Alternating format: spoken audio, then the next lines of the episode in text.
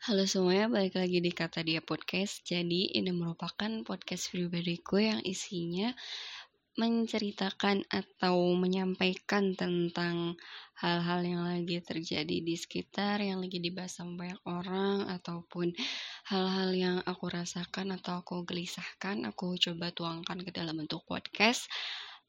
Dan aku akan berbagi melalui sudut pandangku ya ini podcast cuma uh, dibawakan oleh aku sendiri jadi nggak sama orang lain. Jadi ini capek banget karena kalau sama orang kan enak ya kalau capek tinggal berhenti. Kalau ini emang nggak bisa ditinggal bareng satu detik pun.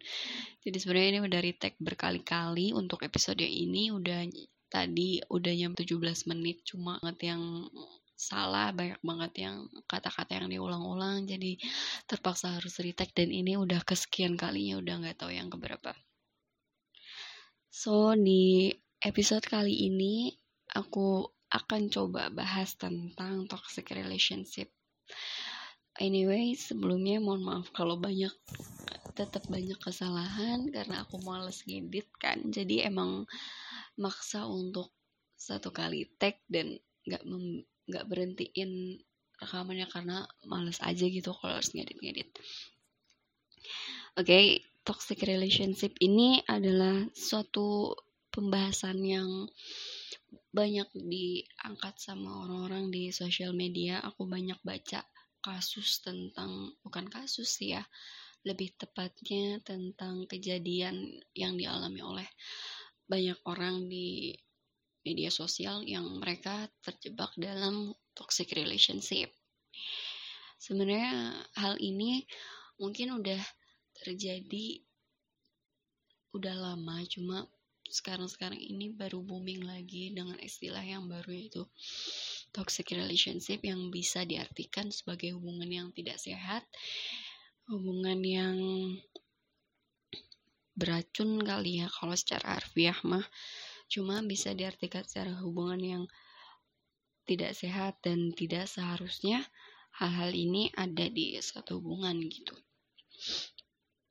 Nah, toxic relationship ini nggak cuma terjadi sama mereka yang anak-anak muda yang masih pacaran, tapi orang-orang yang sudah memasuki ke jenjang pernikahan pun bisa terjebak dalam toxic relationship, entah itu dari segi uh, apa ya oh nanti kita bahas deh apa aja yang masuk ke dalam toxic relationship itu yang pertama tuh kalau hubungan udah toxic secara perkataan gitu secara verbal karena verbal kan orang kalau udah tersakiti secara kata-kata itu akan membekas lebih lama daripada dia uh, disakiti secara fisik.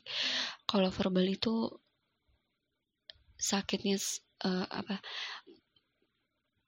dilontarkannya sekarang sakitnya itu masih bisa kerasa bahkan sampai belasan atau puluhan tahun yang akan datang kamu dikata-katain, dibego-begoin, dianjing-anjingin sekarang kamu masih bisa ngerasain sakitnya setelah mungkin kamu udah ketemu sama orang baru sekalipun gitu kan. Karena apa ya? Verbal itu membekas banget gitu di ingatan. Beda sama fisik. Kalau fisik kalau kamu lebam sekarang mungkin sakitnya satu dua hari hilang. Kalau verbal nggak bisa secepat itu. Kalaupun hilang juga mungkin kalau disinggung lagi bisa akan keulang lagi gitu rasa sakitnya. Memorinya nggak akan pernah hilang bahkan sampai kamu meninggal. Contohnya contohnya itu kalau lagi marah kalau lagi berantem pasangan kamu melontarkan perkataan kasar, kata-kata kotor, ngebego-begoin kamu atau binatang semuanya dia keluarin dan ditujukan ke kamu itu masuk ke kategori atau indikasi bahwa hubungan kamu itu nggak sehat. Karena seharusnya kalau iya dia sayang dia nggak akan dengan mudah ngeluarin kata-kata kasar segimanapun marahnya dia. Harusnya dia bisa ngontrol ucapannya gitu. Ya mungkin kalaupun emang ia nggak termaafkan ya seharusnya dia bisa ngerem kata-katanya. Jangan sampai kata-kata itu bikin pasangannya jadi malah sakit hati ataupun ngedown gitu. Selain itu selain kata-kata kasar bisa aja berupa ucapan atau dari obrolan sehari-hari. Tapi dari obrolan itu dia bermaksud untuk atau bahkan nggak bermaksud untuk merendahkan kamu tapi ucapan yang dia keluarkan itu secara nggak langsung bikin kamu sakit hati bikin kamu ngedown. Contohnya mungkin dia body shaming misalnya. Atau dia ngatain kamu uh, contohnya gini uh, kamu mah nggak berguna gitu doang nggak bisa. Kamu bisanya apa sih? Kamu nggak bisa diandelin banget jadi jadi pacar atau jadi cewekku atau yang lain sebagainya. Itu kan apa ya sesuatu yang nggak kita expect akan keluar dari pasangan kita. Karena orang kalau udah pacaran mikirnya pasti dia nggak akan se apa ya kata-kata dia nggak akan sejahat itu gitu terlontar gitu aja dari mulut dia ke ke kita apalagi kalau udah hmm, menjalin hubungan harusnya kan lebih bisa memilah mana aja yang pantas untuk kita lontarkan ke pasangan. Kira-kira ini wajar gak sih kalau kita ngomong gini? Harusnya sih lebih bisa memfilter ya kalau di hubungan yang sehat. Harusnya nggak keluar kata-kata yang bikin pasangannya sakit hati gitu. Terus yang kedua kasar. Kalau pasangan kita udah kasar, udah main fisik itu udah nggak ada yang bisa dinego lagi sih menurutku. Kenapa? Karena kalau saya nggak akan berani untuk main tangan, apalagi mukul yang yang bikin traumatis gitu kan ya gimana sih disakitin sama seseorang yang kita expect akan melindungi kita secara lahir batin tapi dia malah nyakitin kita secara fisik gitu. Apa bedanya sama orang biasa yang sewaktu-waktu mungkin bisa berbuat kasar ke kita? Kita nggak nggak akan siap sama kenyataannya kalau pasangan kita main kasar. Karena di pikiran kita pasangan kita itu orang yang bisa kita jadikan sebagai tempat berlindung gitu. Apa pun yang kita rasain kita bisa lari ke dia. Tapi kalau dia udah berani untuk kasar ibaratnya mukul nonjok nendang segala macem ya udah udahlah nggak ada yang bisa dipertimbangkan dari dari semua itu. Apa yang kamu harapkan dari orang yang berani main kasar sama kamu? Terus yang ketiga hubungan yang tidak sehat. Hubungan yang tidak sehat itu banyak sih ya sebetulnya. Mulai dari selingkuh dia nggak bisa uh, jujur ke kamu dia selalu um, apa ya cari-cari alasan atau bahkan bohong sama kamu. Terus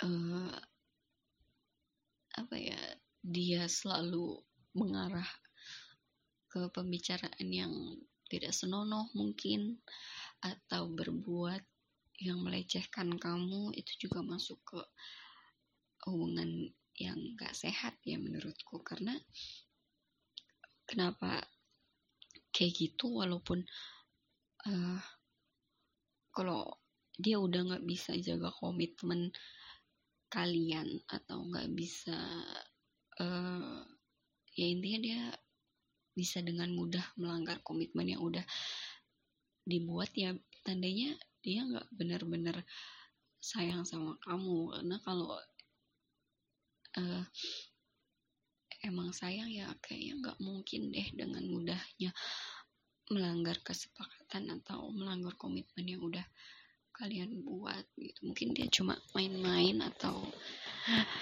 apa pun itu yang ya ini dia nggak benar-benar untuk menjalani hubungan itu sama kamu gitu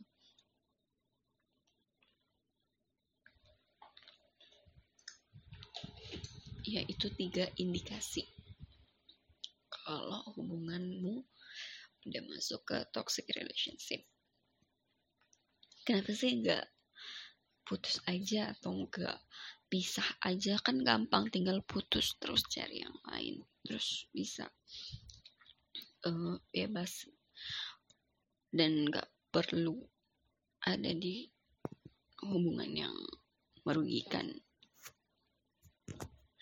kalau dipikir secara realistis ya emang gampang cuma pada praktiknya beberapa orang itu mengalami kesusahan untuk keluar dari toxic relationship.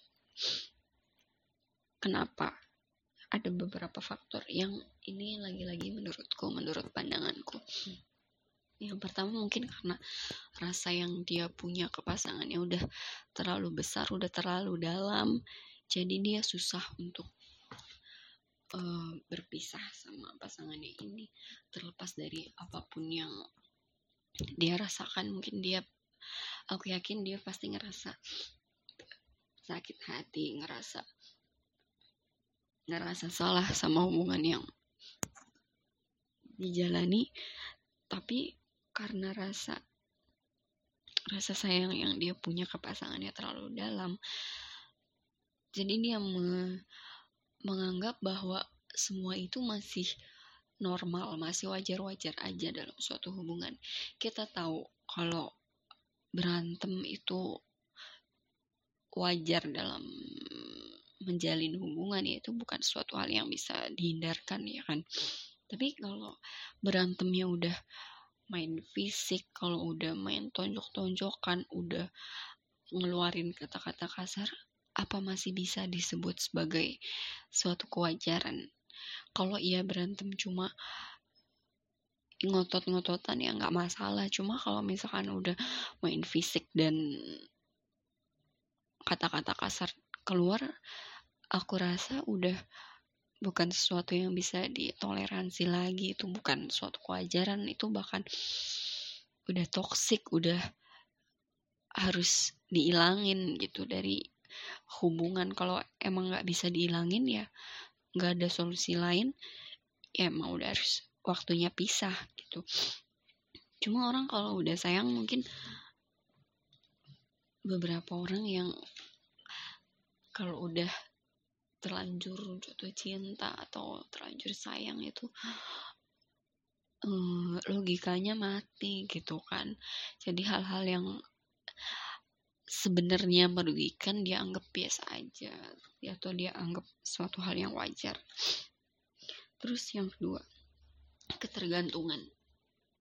Dia ngerasa kalau kalau aku putus sama dia kayaknya bakalan susah deh karena selama ini apa-apa ke dia kalau sedih larinya ke dia kalau aku butuh apa-apa pasti ada dia yang bisa aku andalkan. Padahal kalau kita uh, apa ya mau untuk keluar dari uh, toxic relationship ini ketergantungan itu bisa kita hilangkan pelan-pelan dengan cara kita ya berusaha untuk jadi mandiri gitu. Jadi ya kita pasti punya orang lain kan selain dia. Kita punya orang-orang yang bisa kita mintain bantuan atau bisa kita mintain tolong. Kalau kita sedih kita bisa lari ke orang lain selain pasanganmu yang justru bikin kamu makin ngedown gitu. Jadi kalau udah ketemu sama orang yang uh, apa ya kamu anggap toxic tapi kamu ngerasa aduh kayaknya nggak bisa deh karena selama ini udah ketergantungan. Kamu bukan nggak bisa kamu cuma belum terbiasa tanpa adanya dia lagi karena sebelum sama dia pun kamu bisa kan uh, untuk apa ya apa-apa nggak nggak ke dia kamu bisa kamu punya orang lain kamu punya orang tua saudara sahabat atau lain sebagainya. Jadi kalau kamu ngerasa perlu keluar tapi kamu masih ragu karena kamu merasa masih tergantung sama ketergantungan sama dia mulai apa ya yakinin dirimu sendiri kalau kamu nggak sendiri. Kamu masih punya orang lain kamu masih punya um, dia yang lain orang-orang di sekitar yang bisa ngebantu kamu yang dengan senang hati ngasih uluran tangan ke kamu kayak gitu. Terus yang ketiga merasa sudah memberikan segalanya. Kamu ngerasa kamu udah berkorban banyak hal materi waktu atau bahkan hal-hal yang paling berharga dalam diri kamu kamu udah kasih ke dia kamu ngerasa susah untuk ngelepasin dia karena kamu ngerasa hal yang paling berharga pun udah kamu berikan gitu. Sebenarnya dalam kasus ini pernah baca dalam satu um, di Twitter atau di sosial media dia ngerasa dia udah uh, ini dia perempuan perempuan dia ngerasa apa ya udah ngasih sesuatu yang paling berharga yang yang dia punya. Kalau si pasangannya ini minta foto dia dengan apa ya minta foto nude misalkan dia kasih. Dan kalau nggak kasih si pacarnya ini akan marah dan ngancem dia kalau dia udah berbuat yang melampaui batas mungkin. Dia mikir berkali-kali kalau dia nggak bisa untuk keluar dari hubungan ini dia nggak mau harga dirinya lebih jatuh lagi karena disebarkan aibnya katakanlah aib ya sama si pasangannya ini. Kalau udah sampai tahap ini ya emang susah sih emang. Karena dia punya dia ibaratnya dia punya kartu as kita gitu kan. Dia punya punya punya aib dia punya alasan untuk nge-share itu kalau kita berani untuk ninggalin.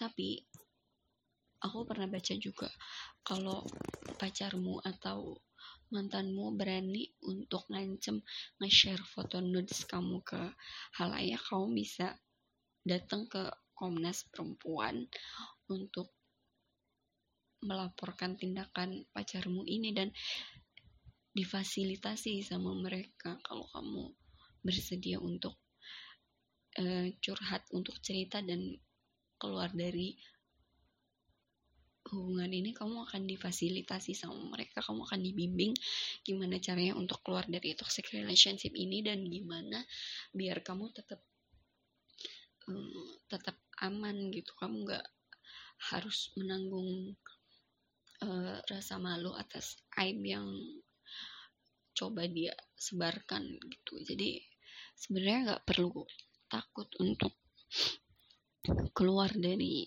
toxic relationship karena tujuan awal dari menjalin hubungan kan untuk saling memberikan rasa nyaman, memberikan uh, keamanan gitu kan.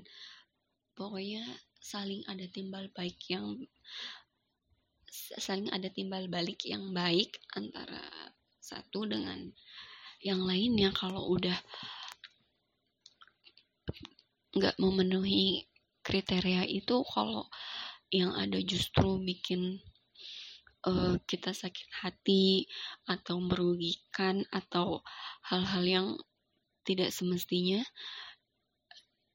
ya udah apalagi yang mau diharapkan dari orang macam itu gitu. Kalau uh, kalau kamu mikirnya sayang sama hubungan yang udah lama atau sayang sama orang yang udah bertahun-tahun nemenin cuma kok ya kayak nggak nggak serak gitu nggak apa ya kamu ngerasa bertolak belakang sama hati nuranimu kamu kamu mau pergi cuma ada halangan-halangan yang menuntut kamu untuk stay. Kalau udah di posisi kayak gitu ya udah. Kenapa masih mikir untuk bertahan? Nggak ada yang bisa kamu pertahankan dari uh, hubunganmu itu. Dia juga mungkin bukan sosok yang layak kamu uh, pertahankan. Ya udah ya apa ya? Intinya jangan takut untuk ngelepasin atau untuk keluar dari toxic relationship karena gimana pun kamu kamu tetap berharga. Se kasar sekasar apa pun pasanganmu atau segimanapun dia ngerendahin kamu kamu tetap berharga untuk dirimu sendiri, untuk orang lain, pasti ada orang yang bisa menghargai kamu dan memuliakan kamu sebagai pasangannya. Kalau bukan dia mungkin dan aku yakin pasti ada orang lain kayak gitu. Jadi jangan pernah takut untuk keluar dari uh, toxic relationship karena dengan kamu berkubang dalam lingkaran itu kamu hanya akan menyakiti dirimu sendiri dan nggak bukan nggak mungkin kamu juga akan bikin orang lain yang sayang sama kamu juga ngerasa tersakiti karena ngelihat kamu nggak bahagia dan menderita.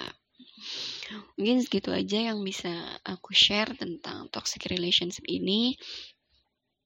Sekali lagi, ini dari pandangan pribadiku. Kalau nggak setuju, kamu bisa share ke emailku di muslikamus2 at gmail.com atau bisa DM ke IG ku di IG-nya kata dia bisa di dia dan kamu bisa uh, apa ya kita bisa ngobrol tentang apa pun kamu kalau mau share tentang apa pun yang kamu rasakan kamu bisa uh, eh, DM di IG ku sebisa mungkin aku balas dan kalau ada hal-hal yang pengen kamu request untuk dibahas di podcast ini bisa ke IG ku juga.